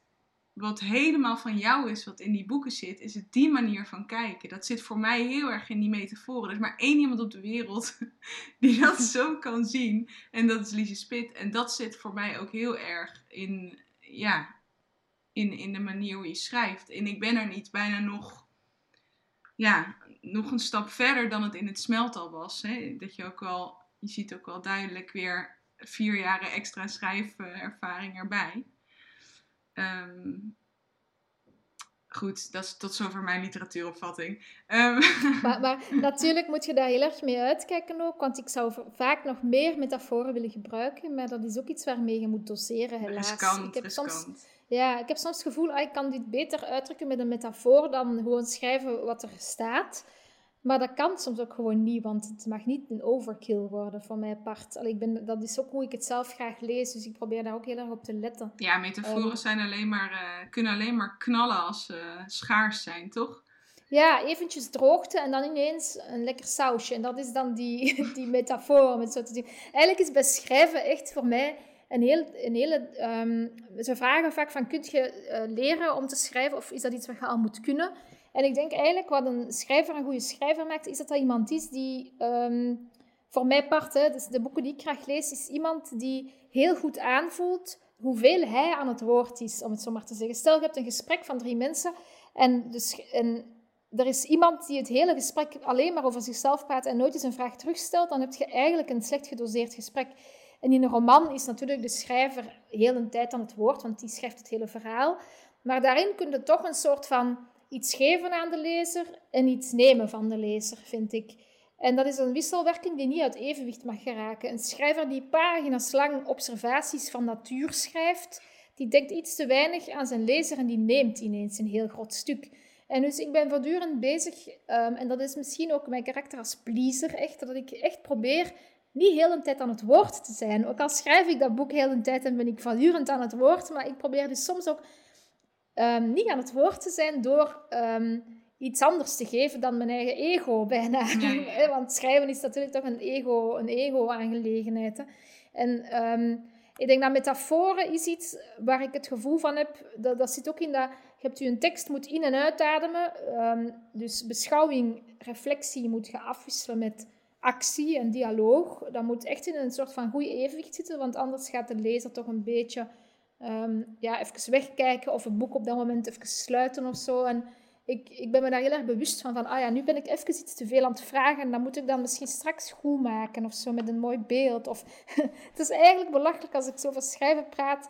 Um, ik heb ook schrik om dat uit te spreken en dat zo bloot te geven dat andere schrijvers of andere mensen zeggen, amai zeg, dat is nogal een, uh, hoe schrijft die nu? En wat is dat nu voor een poesie uh, die zoveel rekening houdt met de lezer? Maar uh, ja, ik, ik, ik ben daar heel erg mee, mee begaan, denk ik, als schrijver. Ehm, en met de lezer bedoel ik dan. En die metaforen is ook iets... Ik heb soms het gevoel dat metaforen de enige ruimte is waar ik zelf iets, iets geef en iets neem tegelijk. Of zo. Want ik, Wat neem je dan precies? Um, ja, de aandacht vraagt wel ook de, de, het vermogen van de lezer om dat beeld voor zich te zien en om, om eventjes verder na te denken dan wat er staat. Hè. Want... Uh, je, moet, je ziet iets, maar je gebruikt een, ander, een andere situatie om daarop te leggen. Iedereen weet wel wat een beeld of metafoor is. Dus je vraagt iets extra van, van de lezer eigenlijk ook om die, metafoor te begrijpen, om de, de kracht. Meestal gebruik je metafoor op het moment dat iets nog um, beter duidelijk, of de pijn of het gevoel daaromheen veel duidelijker kan gemaakt worden dan, dan door enkel te beschrijven wat er, in de, wat er, wat er zich werkelijk afspeelt. Ik, ik, uh, bijvoorbeeld Simon, er is in het boek bijvoorbeeld, als ik nu denk aan, aan een metafoor, Simon ligt in zijn ziekenhuisbed en op een bepaald moment beschrijft Leo dat als hij ligt daar slap als een, als een um, stukje spaghetti dat je vindt in een afwasmachine die al super vaak gedraaid heeft. Echt zo'n plat stukje spaghetti. Nu heb ik het niet verteld zoals het echt in het boek staat, maar uh, om dat beeld. Ik kan ook gewoon schrijven, hij ligt echt slap in zijn bed Maar dus mensen zien, even, gaan even weg uit hun hoofd, zien een wasmachine. Iedereen kent wel de aanzicht van zo'n sliertje weggespoelde spaghetti. En dan moet, hij, moet hij terug naar dat bed gaan en projecteert dan dat sliertje op Simon. En dan raakt dat beeld u, omdat je dat... Je ziet bijna... Ja, die, die, die gaan over elkaar heen. En dus, maar mij geeft dat ook heel veel. Namelijk, dat zijn de momenten waar ik als schrijver ook plezier heb aan het schrijven, denk ik. Dat is echt waar ik het meeste plezier bij heb. En het meeste... Um, het minste over twijfels en mijn metaforen. Ook omdat je daar zelden het verhaal mee, mee drijvende houdt of echt nieuwe dingen aanbrengt. Dat is heel vaak een, een kleine uh, wenteling in iets wat er al staat of zo. En dat vind ik heel, heel fijn om te doen. En het is een soort, een soort afgerond vondstje of zo. Een heel mooi beeld is, is een schatkistje. Uh, maar daar organiseren we niet een hele zoektocht voor. Die is er gewoon. Die, die hm. tref je onderweg. Ja. En uh, Lise, misschien ehm, is het een mooi moment om even een klein inkijkje in het boek te geven. Ehm, en een stukje voor te lezen. Uh, qua context um, uh, zitten we dan eigenlijk uh, thuis, hè, als, als Simon herstellende is. maar nog lang niet de oude, dat gaan we horen. ja, het is echt, ik toon het eventjes op beeld hier, het is echt ja, de laatste 150 pagina's. En um, Simon is lang in de psychiatrie geweest, een achttal weken. En um, het is 16 december 2018. Bij elke kerstbal die Simon ophing, keek hij aarzelend mijn kant uit. Hij was dikker geworden. Zijn t-shirt van de Simpsons viel anders. Homer's mondtuitje zat niet langer precies op navelhoogte, maar twee centimeter daarboven. Sinds het begin van deze week waren we samen thuis gebleven, zonder winkel die moest worden opengehouden of andere verplichtingen. We hadden voornamelijk animatieseries gekeken waarvan Simon alle afleveringen al kende. De Noordman had al die tijd kaal in huis gestaan, door de warmte waren de takken gezakt. Hij hoopte er zelf steeds minder op. Niet alleen bij het versieren van de boom had Simon mijn bevestiging nodig. Hij kon zelfs geen ei meer bakken zonder een beroep op me te doen. Welke pan kon hij het beste nemen? Op welk gaspietje kon hij die het beste zetten? En wat zou ik doen, boter of olie? En hoe lang moest zoiets bakken? Had ik een idee hoe lang mijn op het gevoel was? Minutenlang stond hij over een karton eieren gebogen omdat hij niet kon beslissen hoeveel stuks hij zou breken. Aan tafel schoof hij zijn stoel steeds een beetje dichter bij de mijne, tot het haast handiger zou zijn om één bord te delen. De meeste momenten dat ik thuis was, volgde hij me door het appartement, zoals honden doen bij baasjes die eten op zak hebben. Hij kwam achter me staan wanneer ik ging koken, volgde me naar elke kamer, kwam naast me zitten wanneer ik op de bedrand mijn veters knoopte, en wachtte zwijgend wanneer ik mijn jas aantrok en als ik op het toilet zat, stond hij in de deuropening naar me te kijken, steeds met diezelfde lege, droevige blik. Een hongerige hond, die hoopt iets anders te krijgen dan wat er al in zijn bakje ligt. Ik bezat geduld zoals een tube tandpasta. Zolang je het niet opgeeft, kun je er tot je verbazing steeds nog wat uitknijpen. Simon, sorry, maar mag ik alsjeblieft eventjes rustig kaka doen? zei ik op een ochtend. Hij zette een stap achteruit en deed de toiletdeur dicht. Ik kon horen dat hij aan de andere kant bleef staan. Sorry, lieverd, kom er maar weer bij, zei ik. Hij keek toe hoe ik mijn kont afveegde. Uit vrees dat buren en kennissen hem uit het oog zouden verliezen, probeerde ik het sociaal contact in zijn naam te onderhouden. Ik maakte praatjes op straat en legde een arm om Simon heen om te benadrukken dat de interesse van ons beiden uitging. Ik stuurde een kerstkaartje naar Simons vader in Simons handschrift dat ik perfect leerde te imiteren en maakte bij elk gesprek met Lotte ongevraagd ook zijn grotjes over. Ik leefde, behalve een dubbel leven, ook nog anderhalf leven. Ik was de i in zijn ik geworden, hield zijn puntje in de lucht. Bij een depressie had ik me net als bij een vulkaanuitbarsting steeds iets verkeerds voorgesteld. Van een vulkaanuitbarsting had ik inmiddels beelden gezien. Een filmpje van de Kilauea in Hawaii Met een genadeloze beheersing verzwolg de lava alles wat er op het pad lag. Er werd gefilmd hoe een man toekeek terwijl de dikke drap de weg overstak en tergend langzaam zijn wagen, zijn hele tuin en vervolgens ook zijn huis verschroeide. Ik had het opnieuw en opnieuw en opnieuw bekeken om er iets uit te kunnen leren. Het was een tutorial. Exact zo bewoog een depressie. Traag had ze Simon bekropen. Zijn schuurtjes, zijn terrein, zijn kwaliteiten, zijn eigenschappen had ze verzwolgen en verschooid. Als we samen stonden te wachten op een stoep en er kwam een gevaarte langs denderen, nam ik zijn hand steviger vast. Af en toe bekeek ik zijn tabbladen en zijn zoekgeschiedenis. Ik zocht op of hij informatie had gegoogeld over zelfmoord. Ik checkte zelfs de P in de hoop dat hij zichzelf met porno zou hebben geplezierd. Maar het enige wat hij had opgezocht was de bakduur van een omelet. Zo. Bij gebrek aan uh, publiek.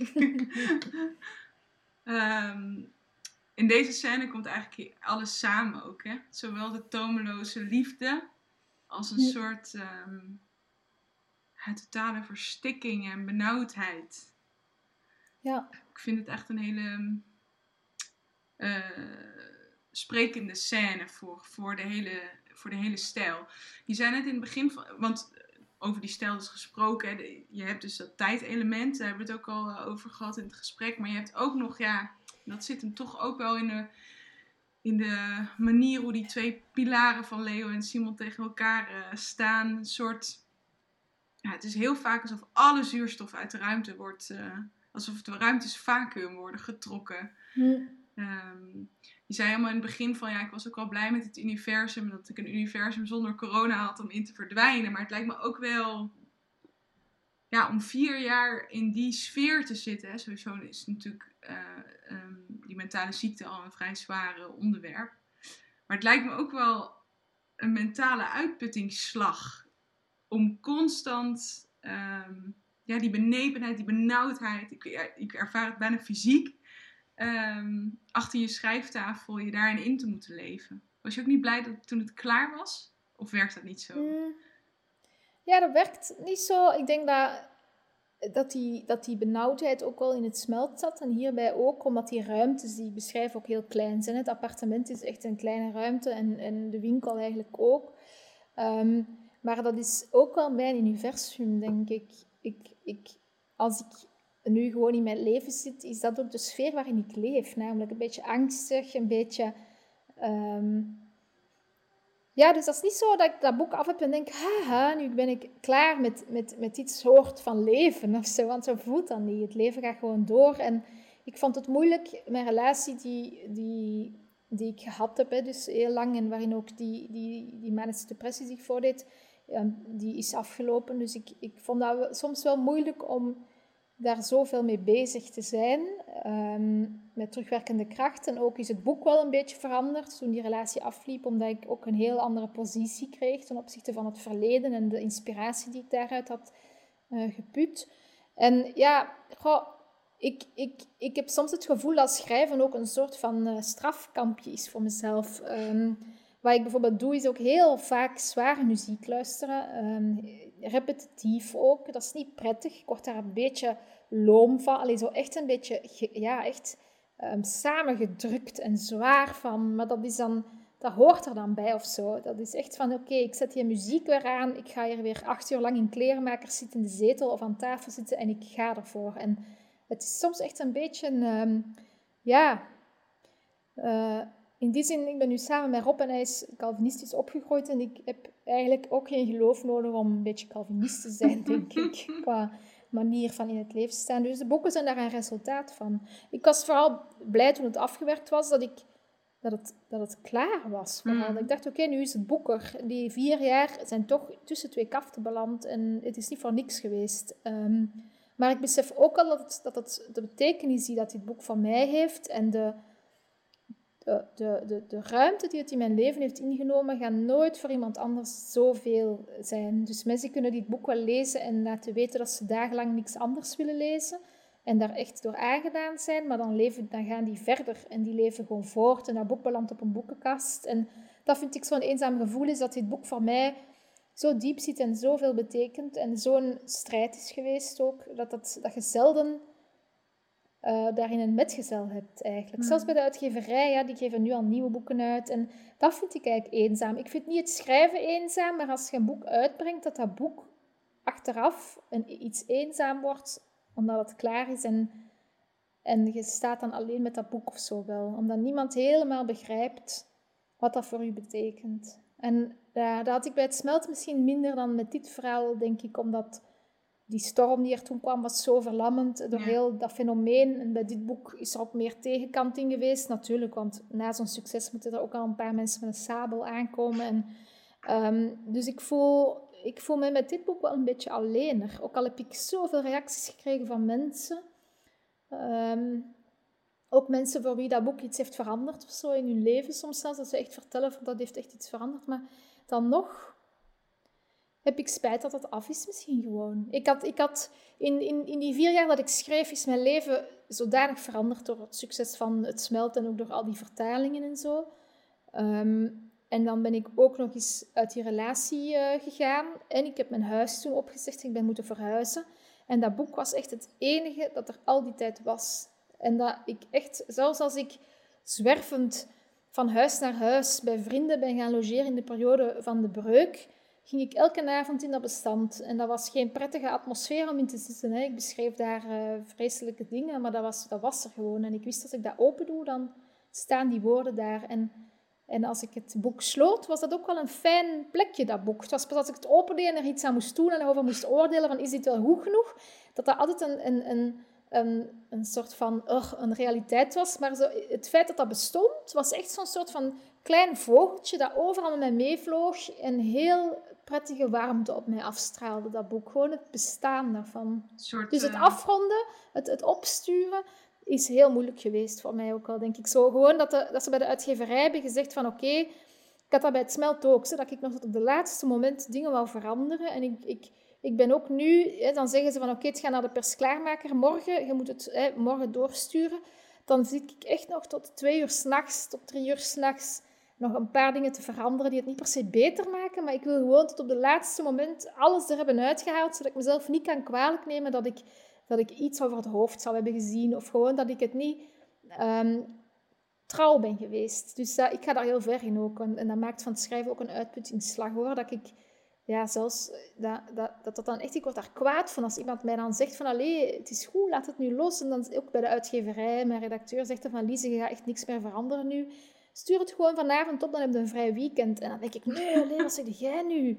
Alleen zo, oh, dat, vind ik, dat vind ik echt heel moeilijk. En dan, en dan moet ik het doorsturen en dan zouden we denken van, ja, dan gaan we een fles champagne opentrekken. En het enige wat ik dan voel is, oh, het had beter moeten. En, ja, dat is echt, een boek is toch een heel gek iets of zo. Ik kan het bijna niet beschrijven, maar Um, het is een, echt een, een gek proces. Je kunt u echt afvragen waarom doe, doe ik dat dan eigenlijk. Terwijl nu ben ik aan het nadenken over boek 3 en heb ik ook weer zin om die metgezel bij mij te hebben van dat boek en die personages en het uitkijken naar het feit dat het af is. Ja, het is een soort, toch een soort tomeloze loyaliteit en daarop volgt altijd ook een soort uh, periode van rouw. Dat is toch hoe, dat, hoe het werkt. Ja. Uh, voorzichtig uitkijken naar boek nummer 3. Is, ja. Is dat, al, eh, is dat ideetjes opschrijven of is het al daadwerkelijk een uh, bestand op de computer?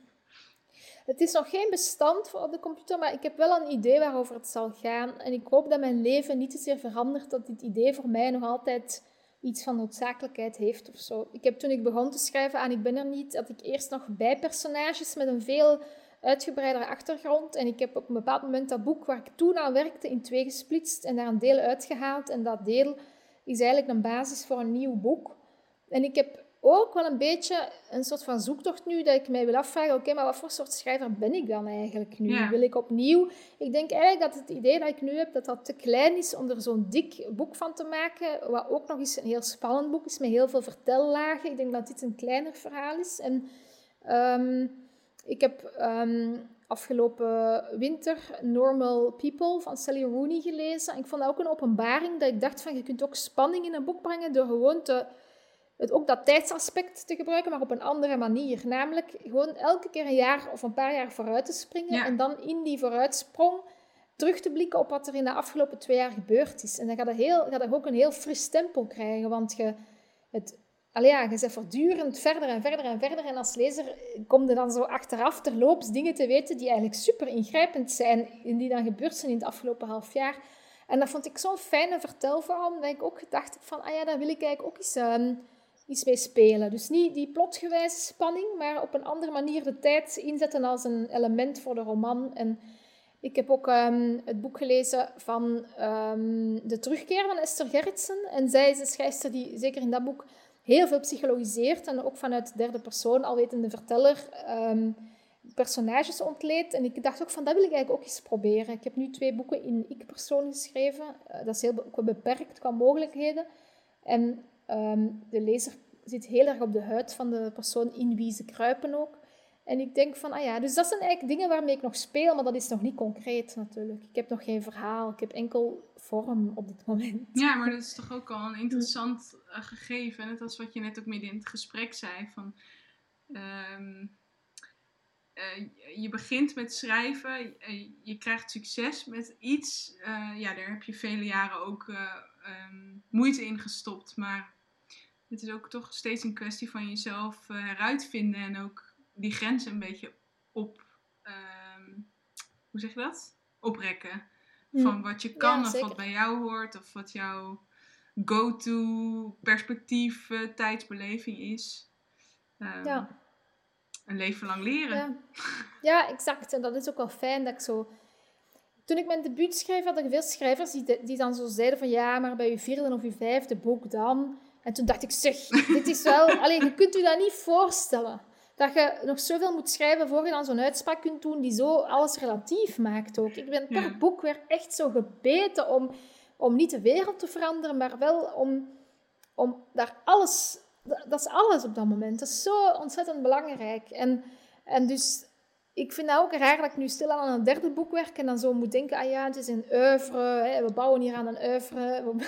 nou, dat vind ik zo moeilijk, omdat, omdat, maar hoe meer boeken je ook schrijft, hoe meer dat je dat jezelf ook doet, is namelijk versplinterd geraken onder verschillende werken en, en ook een werkwijze daaruit puren die misschien niet meer samenvalt, of dat je niet meer zo goed weet van, oké, maar bij welk boek was ik het meest schrijver in mijn eigen ogen, of de beste schrijver, en je verandert ook wat karakter.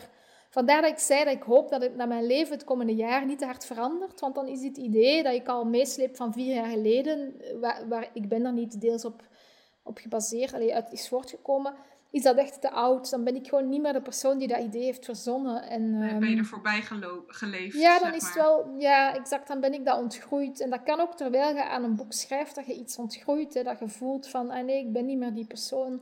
Daarom hebben ook veel, veel vrouwen, denk ik, angst om als schrijver om een kind te krijgen. Want er verandert je wereld zo ingrijpend dat je schrik hebt dat je niet meer dezelfde persoon bent. Ja. Ehm, dat soort van dingen is wel, ja, er moet toch een continuïteit zijn om te kunnen schrijven. Niet per se in je omgeving, maar wel in wie je zijt, in je eigen ogen of zo. Ja, ja je kunt een idee denk ik uh, ontgroeien of er juist helemaal ingroeien of mee, meegroeien met dat universum. Dat je, nou ja, dat uiteindelijk natuurlijk ook aan jezelf uh, ontspringt. Ja. Um, op die noot, het is bijna half tien. Ja. het is ons weer gelukt, anderhalf uur. Ja. um, super. Ik vind echt dat je heel goede vragen hebt. Dus, ik vond het heel fijn praten zo. Nou, dankjewel. Uh, en heel erg graag gedaan. Um, dus dan rest mij um, niets anders dan uh, Lise jou te, te, bedanken voor dit super fijne gesprek. En voor inkijkjes in het boek en in je eigen hoofd. En uh, voor de mensen die het nog niet hebben, hebben, gelezen, ga het zeker lezen. Ik ben er niet. En voor de mensen die het wel hebben gelezen, ja, begint het uh, smachten naar, uh, naar nummer drie. um, voor de kijkers thuis, ja, wij kunnen u dus niet zien. Dat is een beetje gek. Het is alsof ik een zwart gat in praat, maar ik ga het toch even doen. Heel erg fijn dat u, dat u, met, u was, met ons was de afgelopen anderhalf uur. Um, ik sluit af door te zeggen: ga naar nieuwetypes.nl om uh, nog even een kijkje te werpen op de programma's die er nog volgen. Aanstaande donderdag is er in ieder geval weer een opname van een podcast waar u ook live bij kunt zijn, namelijk Radio Debuut met Jentel van Stokken. Um, en die heeft een prachtige debuutbundel geschreven, overigens, gedichtenbundel. dus dat zal zeker ook heel erg interessant zijn. Um, ja, dan rest mij niets anders het af te ronden. Uh, uh, Lise, we stellen ons voor een zaal met juichende en klappende mensen. ja. En ehm, heel erg bedankt voor het gesprek. En hopelijk eh, zien we elkaar heel snel in ja, het echt. Ja, dat hoop ik ook. hoop ik ook. Dankjewel. Dag mensen thuis. Je luisterde naar het grote gesprek tussen Lise Spit en Lotte Lentes in het kader van het Nieuwe Typesfestival. De gehele programmering die je online en offline kunt beleven, vind je op www.nieuwetypes.nl.